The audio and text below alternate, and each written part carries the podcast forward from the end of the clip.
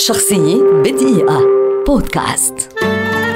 دييغو أرماندو مارادونا أسطورة كرة القدم الأرجنتينية والعالمية ولد عام 1960 ويعد اللاعب الأكثر إثارة للجدل في تاريخ الكرة ويعتبره الكثيرون أفضل لاعب في التاريخ. لعب أربع بطولات كأس عالم. كان أبرزها عام 1986 حين قاد الأرجنتين للفوز على ألمانيا الغربية في المباراة النهائية وفاز بجائزة الكرة الذهبية بوصفه أفضل لاعب في البطولة في تلك البطولة نفسها وفي جولة ربع النهائي. سجل هدفين في المباراة التي جمعت منتخب بلاده مع منتخب إنجلترا وانتهت بنتيجة 2-1 بهدفين له دخل التاريخ. الأول لأنه كان عن طريق لمسه للكرة بيده لتدخل الشباك والثاني لأنه سجله من مسافة 60 مترا بعد أن راوغ بطريقة مذهلة ستة لاعبين إنجليز وقد تم اختيار ذلك الهدف ليكون هدف القرن العشرين.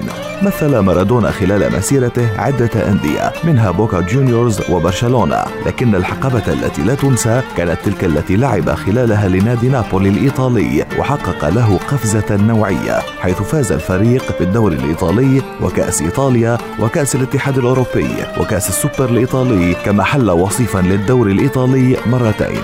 اعتزل مارادونا اللعب في 30 أكتوبر عام 1997 وتحول بعد سنوات للتدريب ولكنه لم ينجح نجاحا كبيرا. فقد خاض عام 2010 كأس عالم فاشلة كمدرب لمنتخب بلاده مما سبب له المزيد من العداء مع الصحافة الأرجنتينية. لكنه بقي رغم ذلك محبوب الملايين والأيقونة الخالدة لكرة القدم. شخصية بدقيقة.